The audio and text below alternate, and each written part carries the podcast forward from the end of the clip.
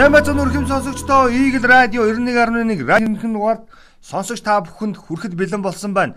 Нэвтрүүлгийг Гамбайр миний би хөтлөн явуулна. Шинэ 7 хоногийн шинэ өдрийн шинэ бүхний эхлэл болсон. За энэ 7 хоногт та бүхэндээ өндөр амжилтыг хүсье. Учир юу гэвээс энэ 7 хоног үндсэндээ 8 дугаар сарын отхон 7 хоног болж байгаа гэдгээр онцлогдож байгаа. Эх 7 хоногоос за амьдралын шинэ гормон руу буюу ажил хөдөлмөрийн шинэ улирал эхлэх ийм төлөвтэй байгаа. За тэгвэл өнгөрсөн амралтын өдрүүдэд ямар үйл явдлууд хэрхэн өрнөвөө гэдгийг жиргээчд маань өөр өөрийнхөө өнцгөр жиргсэн байгаа. За үүн дотор бол яа харахгүй Монгол улсын төрийн тэргүүний оролцсон отхон дэнгэр хайрхны за төрийн тахилга олонний анхаарлыг зүй ёсоор татлаа. Отхон дэнгэр хайрхны тахилга сутай хайрхныг бодох юм бол харьцангуй ёслол төгөлдөр бүр тодруулж хэлэх юм бол дараг дагсан далдганаар нөхдүүд багтаагаар болсноор их онцлогдож байна. За нөгөө талдаа байгаль цагаагаарын олон сайхан үзэгдэл бас сонин содон үзэгдэл давхцснараа бас онцлогдож байгаа. За тэгвэл яг энэ үйл явдалтай уялдаад би дэлгэр сайхны жиргэг та бүхэндээ онцолж хүргэнэ. Дэлгэр сайхан гэдэг хаягнаас ингэсэн байна. Отхон дэнгэр хэмээх нэр нь Түрк Монгол хэлний дундах гэгдэг от хаан буюу Галын хаан голомт сахигч гэсэн утгатай үг ээ. Мөн Монгол хэлний эртний үгийн санд итүүгэн буюу анхны газар хэмээсэн унган Монгол үг гэдэг юм аа.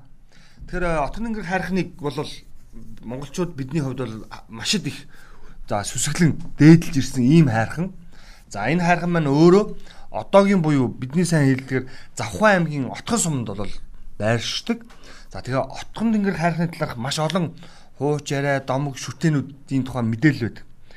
Тэгээ энэ хайрхан Монгол улсад байгаа нь өөрөө нэг онцлог. Яагаад вэ гэхээр энэ хайрхан байгаа бүс нутгаас гэж онцлоод завхан гэж хэлэх юм бол хамгийн олон нөгөө нэг яригадад байдаг хутаг хувилгаад гэдэг хүмүүс нь даалтын шид буюу за гуравдагч ертөнцтэй харилцдаг өнгөрсөн ба одоо ирээдүг холбогч энэ гүүрийг одоо эзэн болсон энэ за шашны талаар нь ярих юм бол хутаг хувилгаадын төрсөн нутаг гэдгээр онцлогддог. Нөгөө талдаа Завхан аймаг маань өөрөө маш сонин ийм үүх дүүхийн нухчаанд явж ирсэн.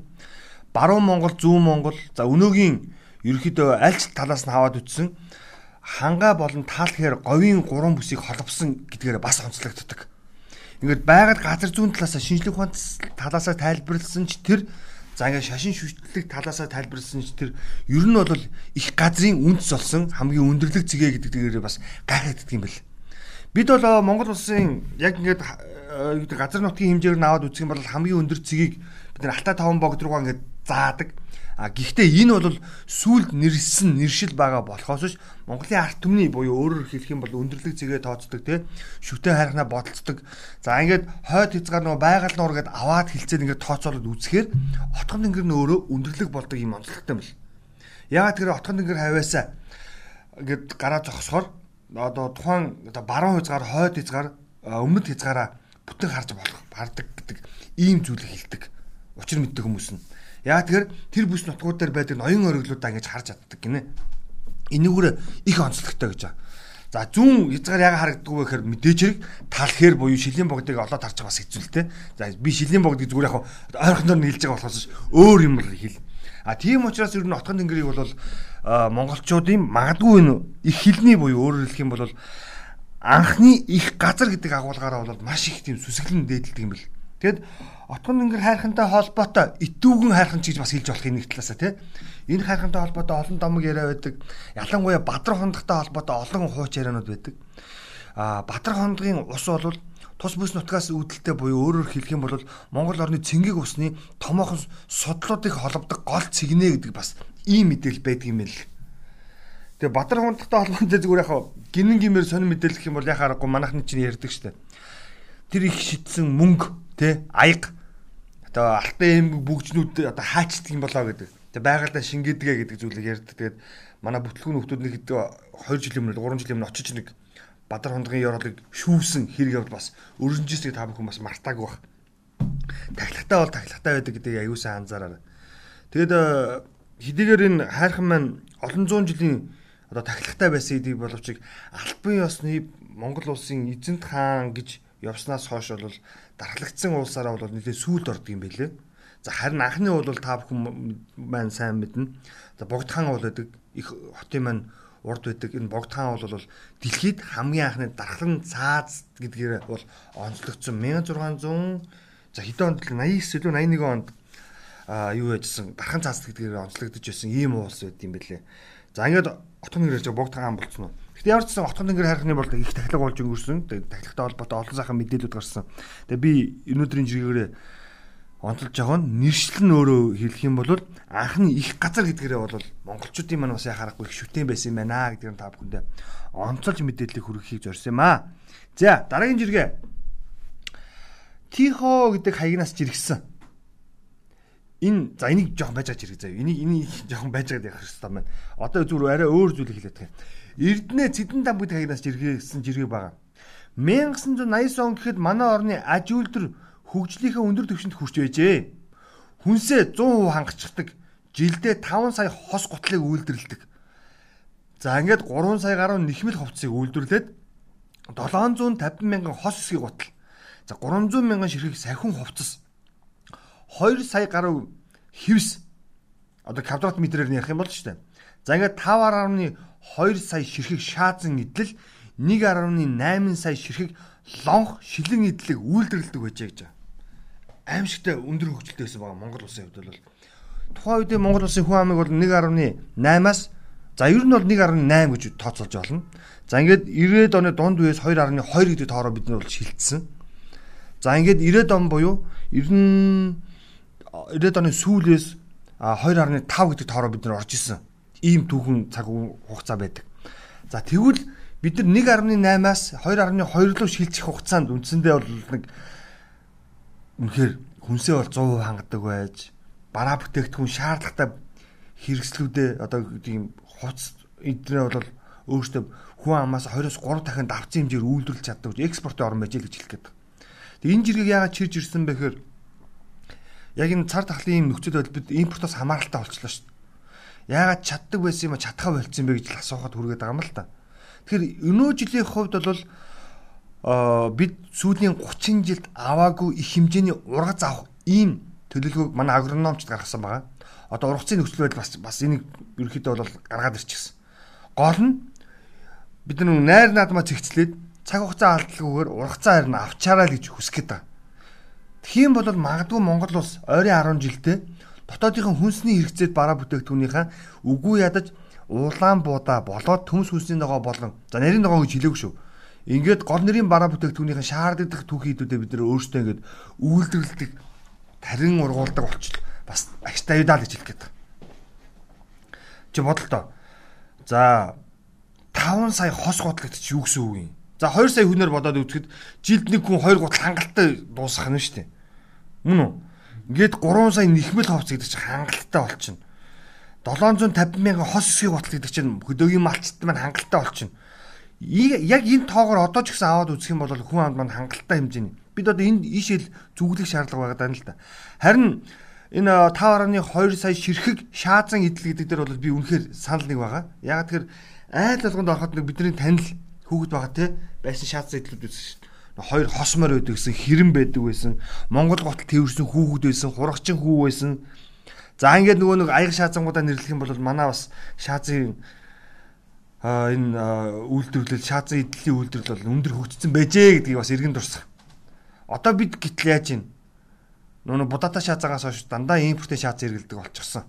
Тэгвэл Монгол шаазан бас өөрийнхөө үүх түүхийг сэргээгээд явж байгаа бас нэг мэдээлүүд гарч ирсэн. Санаж байгаа бол хуучин шаазан үйлдвэрийн ажилчид маань нэгдээд налаахад орчимд үйлдвэр байгуулад за ингээд уламжлалт хээ хуваартай нөгөө нэг импортын гигдэж хилэгдээд байгаа энэ шаазангуудыг бас боломжит төлбөрөөр өөрсдийнх нь технологийн дэвшлийг ашиглаад үйлдвэрлэж байгаа гэсэн мэдээлэл бас гарч ирсэн. Энийг яг иймэрхүү юмыг Монгол өөрөө ингээд бодлогоор дэмжихмээр санагдаад байгаа байхгүй юу? Бид нөө гадныг хид их шүтээд байна тийм үү. Төрийн бодлого нөгөө жижиг дунд үйлдвэрлэлийг дэмжих тий үндэсний хэв маягийг хадгалах нөгөө гадаа дотоодын жуулчийг татах гэдэг юм дэр чинь эн чинь орох ёстой маа. Монгол улс за эзэнт одоо их их Монгол улсаас хойш явсаар хагаад бүгд найрамдах Монгол ард улс Монгол бүгд найрамдах Монгол улс Монгол улс гэдэг нэршлүүдийн үед жишээлбэл ийм аяг шаазангууд үйлдвэрлэж гэдэг энэ сурталчилгаа чинь өөрөө манай дотоодын үйлдвэрлэлийг дэмжих нөөдөлтөд аялал жуулчлалд үнэтэй хувь нэмэр оруулах гэдэг олон талын даваа талтай бид нар иймэрхүү юм жишээлбэл хөгжүүлэх боломж биднэрт зөндөө байна л гэж хэлэх гээд. Үгүй бод тэр эсхийн хутлаар жишээ авъя л да. жилд 750 мянган хос эсхийг готлон үйлдвэрлэж байна гэж. Тэгвэл дэлхийн 2 дугаар дайнд бид нар зүгээр маркетинг хийх гэдэг байгаа байхгүй. Сайхан өнгөрсөн 7 хоногийн дундуур олон нийтэд бас нэлээд их анхаарал татаад байсан Оросын холбооны улсын өнөөгийн Оросын холбооны улсын за ялалтын баяр зориулсан нэг юм баримтат киног Оросууд хийсэн байлээ. Тэр баримтат кинонд юу өгүүлсэн бэ гэхээр за дэлхийн 2 дугаар дайнд ял Оросын холбооны улс буюу зөвлөлт холбоот улс тухайн үеийн те түүхэн ялалт байгуулахад тусламж үзүүлсэн орнуудаас за Азаас бол Монгол бол үнэхээр шилдэг байлаа гэдэг агуулгатай кино. Цэргийн эскадрилуудыг одоо нисгүчний эскадрилыг хичим хэрхэн бэлтгэсэн, танкийн цовог хэрхэн бэлтгэсэн, морь цэргийн цовог хэрхэн бэлтгэсэн. За хүнсний бүтээгдэхүүн нөө дулаан хоц хэрэглэр хэрхэн бэлтгэсэн гэдэг. Энэ түүхэн баримт тоо баримттай ийм кино YouTube сувгийг бол цахим орчинд нэлээд их олон нийт бол гаргасан байсан. Энэ тухай хоорондоо бол хилцсэн. За тэр баримтат киног бол Орос улманы улсын өнөөгийн уран бүтээлчид бол маш сайн хийсэн байсан. Яагаад тэгэхээр а Янжмагаа буюу Сүхбаатарын гэргийн тий их жанжин Сүхбаатарын гэргийн за ингээд Чоблсон а Бомцэнд за ингээд Батмөх. За ингээд юу лээ? Цэтэн балгай. Ингээд Монголын тухайн үеийн төр нийгмийн цэтэнгүү зүтгэлтэнгүүдийн талаарх нэг хроник гэж бид ярьдаг те түүхэн баримт дүрсүүдийг маш сайн ашигласан байсан. Тэгэхээр би зүгээр яг энийг хэлж байгаагийн арталт нь юу хэлэх гээд байна гэхээр жишээлбэл 750 сая ширхэг хос эсхийг гутал гэдэг маань юу гэсэн үг вэ? Биш ээ. Худлаар 750 мянган ширхэг хос эсхийг гутал гэдэг чинь юу гэсэн үг? Энийг бид нар маш юм сайн хэмжээгээр үйлдвэрлээд одоо брэнд болгох нь шүү дээ тийм үү? Дэлхийн 2 дугаар дайнд Оросуудын тэсгэм хүүтнийг те ингээд даван туулсан одоо ямар ч маркетинг хийж чадсан шүү дээ юм. Ийм гутлыг одоо дэлхийн зах зээл дээр гаргах шүү дээ. Тэр нэг аг маг гэж яриад байгаа те сөрөөл энтер гэж яриад байгаа лаглаг брэндүүдийн эсрэг гаргах нь шүү энийг. Уулын нэг гой хаймар болгох шүү дээ багаас гой цагаан хэсгийг гутлууд гаргаад те германчуудын дайнд ялагдсан шалтгаан энэ гутлыг өмсөөгөөс болсон ч гэдэг юм уу тий. Ийм маркетинг хийгээд бид нар эсхийг гутлыг PR-даж болмоор байгаа байхгүй. Эсхийг гутал үнэхээр гоё. Дулаахан Монгол эсхийг Монгол гутал ч гэсэн Монгол гуталчин ерөнцөндөө бол эсхийг гутал та. Яг даавар оруулахтай тий. Түүнээс ялгаа байхгүй адилхан эсхийн нэг бүтээгдэхүүн хоньны ноос, тэмээний ноос гэх мэтлэн олон бүтээгдэхүүнийг холж болдгоор онцлогтой. Тэгвэл бид нар тийм бас маркетинг хиймээр байгаа. Германчууд тий Европ яагаад дэлхийн 2 дугаар танд Оросын үйлд ялагдсан бэ? ийм гутал өмсөөгүй учраас гэд зүгээр л ингээд тавихад энэ хөрхөө маркетинг байхгүй. Өөрөөр хэлэх юм бол бид дулаан бол мянган лан гэдэг хятад угшаалтаа үгийг бодох юм бол энэ өөр маш мундаг маркетинг бол монголчууд ийм боломж, ийм түүх зөндөө байгаа гэж хэлэх гээд байна. За, энэ яг уу дараагийн жиргээ. Энэ нэг шилэн цогогийн жиргээ бас өнгөрсөн өнөөдөр өчигдөр хоёр бас нэлийн анхаарал татаад байгаа. Яасан бэ гэхээр ингэж нэг зураг оруулсан Аа нэг зурган дээр бол хоёр зураг зэрэгцүүлээд тавьсан. Нэг зурган дээр нь болохоор нэг ийм зураг тавьсан байгаа. Хавдар судлалын үндэсний төвийн барилга.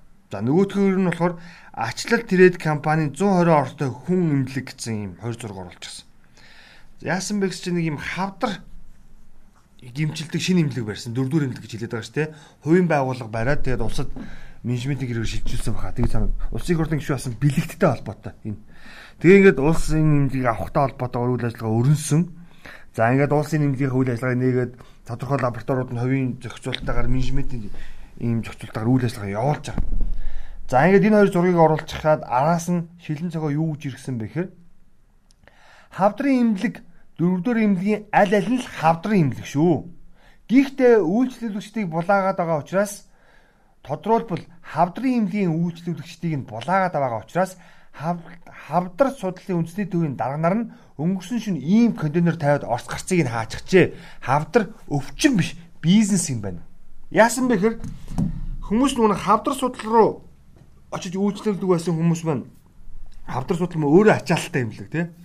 Ингээд хими имчилгээнд орох, хагалгаанд орохоос маш нэг сар гарan 2 сарын дараалд зогсдог. Бичүүлдэг нэг ийм имлэг байдаг. За ингээд мэдээч хэрэг улсах гэдэг тодголтоор нөө эрүүл мэндийн даатгал төрөөс санхүүждэг тодорхой мөнгнүүд аваа явдаг. Үйлчлүүлэгчдийн тоогоор буюу за эмчтүүлэгчдийн тоогоор санхүүжилт аваад явдаг ийм байгуул. За тэгвэл тэр имлэгийн ачааллыг хөнгөлөх нэг тал та тий. Нөгөө талдаа бас орчин үеийн техник технологийн дэвшлиг хувийнхны одоо хөрөнгө оруулалт дээр үндэслээд хийсэн имлэг ингээд бариад уулс авчсан чинь хавдрынхан хүм багассан буюу тэр имлэг гүгээд эхэлсэн байл. Тэнгууд нь ордог гардаг гарцсан сонирхолтой нь хавдрын имлэгийн хашаа залгааны нарийнхаа юм гудам байдаг. Тэрэн дээр наваачаад контейнер тавьчихсан. Ингээд. Санаж байгаа бол хэдхэн хоногийн өмнө яг энэ дээр контейнер тавихаас өмнө ямар үйл явдал өрсөнсөн бэ гэхээр нь оруулж болохгүй гэдэг хаалт тавьчихсан.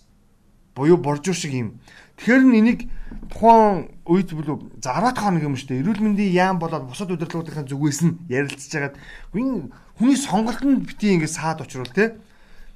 Чи нөгөө мөнгөтэй бол гэдэг шиг лагаад нь луунгаа идэх гэдэг шиг аль эмнэлгийг сонгохоо чиний асуудал гээд орхисон чинь нөгөө эмнэлгийг зөрүүлээд ингээд контейнер тавьчихдаг. Яасан гэхээр манай эмнэлгийн орц гарцтай буюу уялдаад гэдэг нэг тийм сонир нэг нийгмийн шанартай юм яриад явчихсан. Тэг би гайхаад байгаа юм хавдрын имлэгийнхэн ингэж үйлчлэх шаардлага байсан өөртөө амар хэцүү байна л гэдэг гист. Тэгээ хажууд нь ачааллын үргэлцээгээд имлэг барьчихаар ийм үйлдэл хийгээд байгаа нь хэр зохистой юм бэ гэж асуух гэдэг. Араа араа тий. Мэдхгүй тэгээд энэ учир мэддэг хүмүүс нь шийдэх бах. Ялангуяа шилэн цогоо бол жишээлбэл их хурлын дарга замдан шатар ерөнхий сайд оюун эрдэнэ ерөнхийлөгч хүрлсөх нарт энэ мэдээллийг бол хаягдсан байгаа. Нэг талд нь гаргаж өгөх хөлгөө ингээд төр хувийн хвшлийн хамтын ажиллагаа гэдэг юм өөрөөр хэлэх юм бол одоо ашиг орлогоос болж хоорондоо эвгүцгнэ л гэж эндээс харах гэдэг. За дараагийн нэг жиргээ. Энийг би баг өөртөө зориулаад авсан юм уу? Цогт хоёр. Ингэсэн. Чой жамц их хамб хэлсэн байна. Өгүүлрүүн гэж байгаа заяа. Орчин үед бүгдийг мэддэг хүн маш их болсон байна. Энэ нь маш аюултай бүр бүгдийг нь шүү. Тим ч хүн байдаггүй юм гинэ. За тэгэхээр зарим сонсогчдоос би би бас уучлал хүсэх гэдэг. Тэгээд би нэг бүх жиргийг мэддэг юм шиг яриад байгаа юм биш. Болсон процессыг та бүхэндээ хуваалцаж байгаа шүү гэж залруулж хэлэх гэж байгаа. Тэгээ гарч байгаа мэдээллүүд, гарч байгаа өнцгүүд ийм хэлбэрээр тайлбарлагджээ гэдгийг бас тайлбарлаж чадах хэтгаараа хөргөж байгаа. Тэгээ би бас бүх юмыг мэддэг хүн биш шүү гэж бас тэр би бас тийм аюултай хүн биш шүү гэж та бүхнээс хүчилж гисэн юм а гэж. За дараагийн жиргээ мэрэгэн хаяа нөгөө өмүүлэгч мэрэгэн байдаг шүү дээ хуйлч тэр гэж иргсэн. Хаяа хослолгүй цамц ерөөсөө ингээд хослол өмсгөө костюм bijak өмсгөө гэсэн. За ингээд цамц өмсөөд, углааш өмсөөд, пүүз өмсөөд гарчхаар цагдаа нар маань харьцаа нь өөр болчих юм аа. Зандарч ороод өмгөөлөгч бай, эргэнч бай, сэжигтэн яллагдагч бай, гимт хэрэгтэн ч адилхан л харьцмаар байна аа угна гэд. Яг тийм бохоо. Энийг би бүр яг хэлэх гээд манайх нэг тийм царай хардаг тийм сонин хандлагатай болчихсон. Манай нэг танилын дүүн за барилгын компанийн үйл ажиллагаа эрхэлдэг. За ингээд томоохон хөрөнгө оруулагч гэдэг юм уу, жоохон мөнгөтэй ч гэдэг юм уу захиалагч нартай ингээд уулзахтаа уулзахын тулд 99.11 дугаар худалдаж авсан. За өөрөө бол амьдрал тийм мэдээж хэрэг боломж юм биш. Гэхдээ Ланд 105 гэдэг машиныг худалдаж авсан. За ингээд өдөр тутмын хувцсныхаа юу сонголтыг өөрчилж эхэлсэн. Яасан бэ гэхээр манер өөрөө уг нь Прус 30 гэдэг машин ундаг. Тэгээ хүнтэй уулзах гээд Прустэй яваад очихоор жоохон ингээд дээрингүү маягаар харьцдаг гинэ. За нүг 95 ч гэдэг юм уу 89.11 ч гэдэг юм уу нэг жоохон тийм өөр дугаарнуудаас тийм энгийн хэрэглээний гэж хэлэгдэг. Тэгээ манайхны азийн бос дугаараас залгахаар аа гээд авдаггүй. Эсвэл за за чи ярьж байгаа тоол гээд хайдаг. Эсвэл 99.11 юм уу 99.10 ч юм уу те нөгөө нэг 99.09 ч юм уу те иймэрхүү дугаараас залгахаар аха гэдэг хандлага байдаг гинэ. Тэгээ дүүн ажилтаа байхын тулд буюу өөрөөр хэлбэл тэр хүн хувийн бизнес хийж байгаа. Тэгээд хотын захиргаач бай, санхүүжүүлэгч бүх байгууллагын ялангуяа төрийн алба бол яг энэ хандлагаар ханддаг гэж байна. Тэгээд ингээд дугаараасаа өөр дугаараас залгаад ингээд нэгхээр авдаггүй байсан. Одоо харин өөр шүү гэд инээд алдсан явж байгаа. Тэгээ эн чинь нөгөө нэг хувийн хвшилд үзүүлж байгаа хамгийн том дарамт энэ мөн л дээ. Яг үнэн хэлэхэд тухайн хүн тэр автомашин худалдаж авах, тус дугаарыг худалдаж авах, тий энд чинь тодорхой хэмжээний бас зардал гардаг байхгүй юу? Тэр үнэтэй машиныг худалдаж авах, тэр үнэтэй дугаар буюу өөрөөр хэлэх юм бол бидний донд зүгээр нэг тийм балаа нэр хүндийн асуудал яригдаад байдаг дугаарыг худалдаж авахаас үүдэлтэйгээр тэнд оруулж исэн мөнгөөр өөр хэдэн хүн цалинжуулаад явсан бол арай өөр байх гэсэн байхгүй юу? Яагаад ингэж хандаж болдог? Бас нэг бүр гоё жишээ. Миний бүр ойрхон доо ойрхон нэг бас нэг нөхөр эхнэрээ даагуулаад дэлгүүр орсон.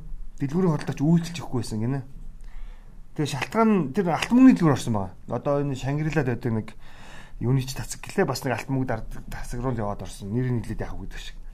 Тэгсэн чинь ерөөсөө нөхөр нь өмнөөс нь яриадсэн чинь аа тий тий. Манайхан юм өмсөл зүрийг зүзүүлдэг байгаа шүү гэдэг нэг одоо байгаа шүү гэдэг заваа хэлдэг болсон шүү дээ. Тэг ингээ баг шилийн цаас та нар харж байхгүй гэсэн. Тэгээ агуун чимээгүй явж явж байгаад гарын далд байсан агуугийнх нь. Тэгээ агуу нэг ингээд гараа гаргаж ирээд ингээд юм юм заагаад ирсэн. Гарын дээр манай тэр нөхөрч бас бяртаа нүлдэ. Агуу нэг гой гой цагаан алт тэгээ даймонд юм шигтгэдэг бүгжнүүдтэй. Гурван урандаа тийм бүгжтэй нөхөрлөлтөө. Тэгээ гаргаж ирээд ингээд заагаад ярьсан чинь худалдагч нь босч ирж байна гэж байгаа байхгүй. Аа та энэ онголгод өцгөөгээд хандлага ерөөсөө тийм байна. Асуудал энэ дээр юун дээр байна вэ гэхээр хандлага ерөөсөө юм. Эхлээд ингээд агуу ингээд гарын далд Тэгээ нөхөр нь ингээд асуугаад асуугаад нөхөр нь уг нь их нэртэй билээ авч өгөх яваад байгаа байхгүй. Тэгээ ингээд яриад тахаар ийм. Тэнгуут нь агуу нь бас тэр байдлыг анзаарч эмгтэй хүн ч бас чөтгөр штэ бас тий. Эйгүү уушлаараа чөтгөрч бас шилтэй тий. Айхтар штэ. Тэгээд нөхөр ингээд ингээд гараа гаргаж ирээ заагаад ирээд бол хотлогч нь босч ирж байгаа байхгүй. Тэгээд ханаасаа хаалгах чинь гэж бас ийм хандлага болчмоор байгаа байхгүй. Дарга нар нь хүний өмссөн зүйлсэн эдэлсэн хэрэглэснийг харж харьцгаа болчих хэрэгтэй худалдагч нар нь те Гэхдээ би багдгүй те нэг өдөр ингээд туслангаасаа ч гэдэм хөдөөхээр явж байгаа нэг шавартаа хувцтаа ч гэдэм эсвэл нэг углааш угалцсан тэр нөгөө гой гой дэлгүүрээр яваад ороод нэг шаардлагатай авах гээд ороход надад үйлчлэхгүй нэш жишээлбэл нохоо гэж харахгүй нэш намайг ийм эгоист амьдрахаа болох хэрэгтэй байхгүй яг үүндээ балиар За дараагийн жиргээ отго цэг юм нөгөө нэг отгочлуу гэдэг нэг оюутлогын бас төлөөлөл удирдах зөвлөлтөд ажиллаж байсан нэг эдийн засгийн залуу байдаг те. Энэ залуу жиргсэн байсан. Эхлээд жиргэгийг уншаад тах юм. Миний үед гадаадд сурдаг монгол оюутнуудын гол давуу тал нь математик байсан юм аа. Поп, улс төрчид мэдлэгийг нөлөмдөг бүхчүүд худалдагдсан сэтгүүлчдийн ачаар бидний цөөхөн монголчуудыг өнгөлөж ассан цорын ас давуу тал нь үгүй болчихжээ. Математикийн конкурсны оног хараад төрсөн сэтгэл нь шүүгц. Юу болж өнгөрсөн бэ гэхээр аа бүр басан бям гаргуудад үндсэндээ эсэлтийн ерхий шалгалт зохион байгуулагдаж өндөрлөлөө. За эсэлтийн ерхий шалгалт Монголын төөх математик, англи хэл, түүх, хим гिचлээ төрлүүдээр ёс зохион байгуулагдсан. За ковидын буюу цар тахлын нөхцөлөлтөд уялдуулан монгол хэлний суурь шалгалтыг бол орхитуулсан юм жил. За ингээд шалгалт өгсөн дүр зургийг ингээд харсан чинь хүүхдүүдийн хамгийн өндөр оноо авсан хичээл юу вэ гэж англи хэл яг хөө энэ бол юг харуулж байгаа нөхөр англи хэлний эрэлт хэрэгцээ буюу өөрөөр хэлбэл энэ одоо мэдлэгийг шалгуур үндэс болдог одоо энэ үнэлгээ ийм хэмжээнд байна л гэсэн. За тэгсэн чинь монгол хэлний ерөнхийдөө бол суур үнэлгээнүүд маш бага байгаа. Шалгалт авах гэсэн суур үнэлгээнүүд өөрөө хэтэрхий дагав. Аимшигтай байгааз зарим сургуулиуд мэдээж монгол хэлний шалгалт авч байгаа шүү дээ. Яг нэг суур шалгалт байхгүй болсон бол монгол хэлний шалгалт авч байгаа. Тэгвэл үнэлгээ нь хит доогор. Монгол хэлний үнэлгээнүүд. Англи хэлтэй харьцуулбал англи хэл дээр хүүхдүүд за ингээд 90-с дээш оноо авсан хүүхд олох байлаа гэж бодоход монгол хэл дээр 90-с дээш оноо авсан хүүхд цөөн болчихж байгаа хөөе. Аимшигтай тоо. Хоёр математик гэдэг үгчээлийн үндслүүд нь өөрсдөө хитрхий доош олчихсон. Бүр ингээд математикийн шалгалт авсан хүүхдүүдийн үнэлгээ маш доогуур байгаад. Тэгэхээр бид нар чинь эн чинь юуг харуулж байгаа нөхөр шинжлэх ухаанч байдал маань энэ нийгэмд үгүй болчих гээд байна гэдэг л санаа хэлсэн. Тэгээ хотго зэг юм хэлээд байгаа л энэ баггүй. Поп постэрчүүд мэдлэгийг нулимдаг бүхчүүд худалдагдсан сэтгүүлчдийн ачаар бидний цөөхөн монголчуудыг өнгөлж за ассан цорын ганц даваа тал үгүй болж. Инженер сэтгэлгээ үгүй бол бол энэ их орн чинь бас өөрөө хөгжлийн голдрлоор зөв явахгүй л гэдэг үгийг бас дахиад хэлчих. Ийм л байна. Энэ дээр олон иргэд сонсогч та бүхэн өөр өөрсдийн за ингээд бодлоо хуваалцах үзье гэж найдаж байна. Инх бат дангаас өрөн яг энэ агуулгаар жиргсэн. 30 жилийн өмнө Монголын дөрвөн оюутан бүрийн нэг нь гадаадд суралцдаг байлаа. Ялангуяа инженерүүд нарийн мэрэгжлийн хүмүүсийг онцгойлон анхаарч бэлтгэдэг байсан юм аа. Монголын залуус тоо байгалийн ухаандаа сайн гэгдэж байлаа. Одоо монгол залуус тоо шинжлэх ухаанаас айдаг муу болчихсон болов шинэ үе ийм байх гэж үгцсэн. Ерөөсөө сайных. Олон тайлбар хэрэггүй те. Маш ойлгомжтой. Ерөөсөө шинжлэх ухаан, инженерчлийн чиглэлээр хүүхдүүд маань суралцах боломжгүй буюу сонирхолгүй болчихжээ. Яг өнгөрсөн таагт би нэг жиргэн уншижсэн те. Нэг хөөхөн дүү байсан. Дагуулж яваа чи ямар ажил их ингээ асуусан чинь төслийн менежер болно гэж гуцж ийн гэд. Яг л ийм балаа сэтгэлгээр орчихсон. За, артлах нэг хөөрхөн жиргээ явуулчих. Шалгалт өгсөн хүүхдүүдэд хэлчихё. Ари жиргсэн. Хүнийг шууд ухаантай муу тэнэг мангар гэж хийж огт болохгүй шүү. Үүний оронд бурхан ухаан тарааж байхад чим нь хаагуур явсан юм дээ. хөөрхөн царин дээр зогсож байсан юм уу та гэд хилчиж байгаарэ. Тэгэх юм бол цаадуул чи хөөрөө цүүд болно гэж. Шууд бит юм бол жийл гэсэн үг. Тэгээд би сая жоохон шууд муулцсан гайг байгаа. За дараагийн жиргээ. Энэ нүүн манай жүжигчин ундрмаа бүхэмдлээ илэрхийлсэн жиргээ анхаарал татсан. Яасан бэ гэсэн чинь манер чинь нөгөө нэг бас нийгмийн тусдаа үйлд маш их хувь нэмэр оруулдаг. Бас олон хүн ч түүнийг хүндэлдэг. Тэр их чинь энэ удаад бол өмнө нь бол ихэвчлэн гоё гэгээлэг юм гэж иргэжсэн. Энэ удаад их бохимдолтой жиргсэн байлээ. Яасан бэ гэсэн чинь гончгийн ундрмаа ачааны машинаараа дүүрэн шийгөө атсан залуу нэг өнсүүлчих хоёр шуудаа шийгөө өгье гинэ. Арайчтай бүр уур хурцглээ гэдэг. Тэгээ хандлага бас юм байж болохгүй. Бас хүнийг хүндэлдэг, үнэлдэг те магадгүй бидний одоогийн хэлээр бол крашлдаг гэж болно те. Гэхдээ хүндэлдэг хүнээ бас ингэж гомдтой гомдоогоорой. Магадгүй таны хүндэлдэг хин нэгэн хаа нэгтээ таарах юм бол та тий дотоор дотор хүнээ жохон дараараа л гэж зүйлэх гээ. Тэм үү? За энэ жиргээ бас анхаарал татсан нэг жиргээ байсан. Энэ Батторч гэдэг хаягнаас а маш том сүултээ хоньны зургнууд буюу бэлтгэсэн хоньны махтай ийм зургнуудыг оруулчихсан. За ингээ яасан бэхээр манай цагаан сарын ууцны хоньны сүүлнүүд бол цаашаа. Тэгээд Узбек, Тажикстаны зах, Ташкентийн зах юм байна шүү. Хоньны сүүл 20 кг татдаг. Хөөхий манай хонь бүтнээрээ 20 кг. Цус ойртоод хонин жижигрээд хүмүүс нь оргчод л байгаа шүү гэсэн. Яг тийм баг. Одоо манайхын мал аж ахуйн салбар дээр яа харахгүй бүр эрс шинжилэл гэдэг зүйлийг хийлмээр байна. Одоо бид нар бас цөөн эртэмцэн мал аж ахуй гэж яриад бараг 20 жил боллоо шүү дээ. Тэг нэг сонирхолтой тоо хэлэхэд одоо манай үгдийн мас сүргийн тоотлого бол 90 сая. Гэхдээ бодит нөхцөл байдлаа аваад 10 саягийн зөв өдөр болгон одоо нядлаганд явдаг барьдаг шөнө хорхог бодогны мах болдог гэдээ үсэх юм бол 80 сая гэж тоолдог гинэ. Тэгсэн чинь энэ 80 сая толгой малны 40 сая нь л яг Монголын хүн амд байж ах юм болвол тий одоо тэр нь юу гэсэн бэ 40 сая мал бэлчээртэй гараад заяа Тэгээ тэрнээс эдийн засгийн эргэлтэнд буюу мах болгоод зарахын зараад хүнсэндээ эргэлгийн хэрэглээд ингээ байж чадна норматив тоо гинэ. Гэтэл энэ тоо одоо 20 дахин өсчихсөн буюу 80 саятай байна. Тэгэд ийм байгаа хэрнээ мах үнэтэй тий. Тэгсэн хэрнээ нөгөө нэг эдийн засгийн эргэлтэндээ мал нь орж ирдэггүй. Үнэлгээ байдаггүй. Нэг ийм дүр зургийг чи яваад байгаа байхгүй. Хамгийн амжигтай. Тэгээ энэ дүр зургийг дагаад юу гарч ирж байгаа вэ гэхээр бэлчээрийн дороотл нөө цөлжилт гэдэг юм чинь дагаж үүсээд байгаа маа. Тэгэхээр яг харахгүй бид нар ийм эрчимцэн мал аж ахуйтай бүр ялангуяа хөдөөгийн малчд маань за 1700 хонтой байхыг бол ерөөхдөө бол жоох хязгаарлаа. Тэгвэл одоо 1000 гэдэг нь хин ч хэрэггүй одоо нэг малчд маш олон боллоо. 1000 хөрөөр алж идэх юм болохоо үлддэг гэдэг сэтгэлгээ бүр бүр их түгээмэл боллоо. Нэг л их том мөнгө аяхта 1000 тод өөр юм алга энэ мянгад олширхын ирээр Монгол улсын бэлчээр үгүүрж байгаа гэдгийг бас бид нар хармаар байна. Энэ мянгад гэдэг тогтолцоог одоо жоох өөрчлөх шин шатны гаргая л гэж хэлдэг. Одоо нэг марцсан жиргээ. За ер нь цаг төгссөн байна те. Найрс тохиод ахыг бодоход. За энд жиргээ дуусгаад тэгвэл тихо гэдэг хайраас ирсэн.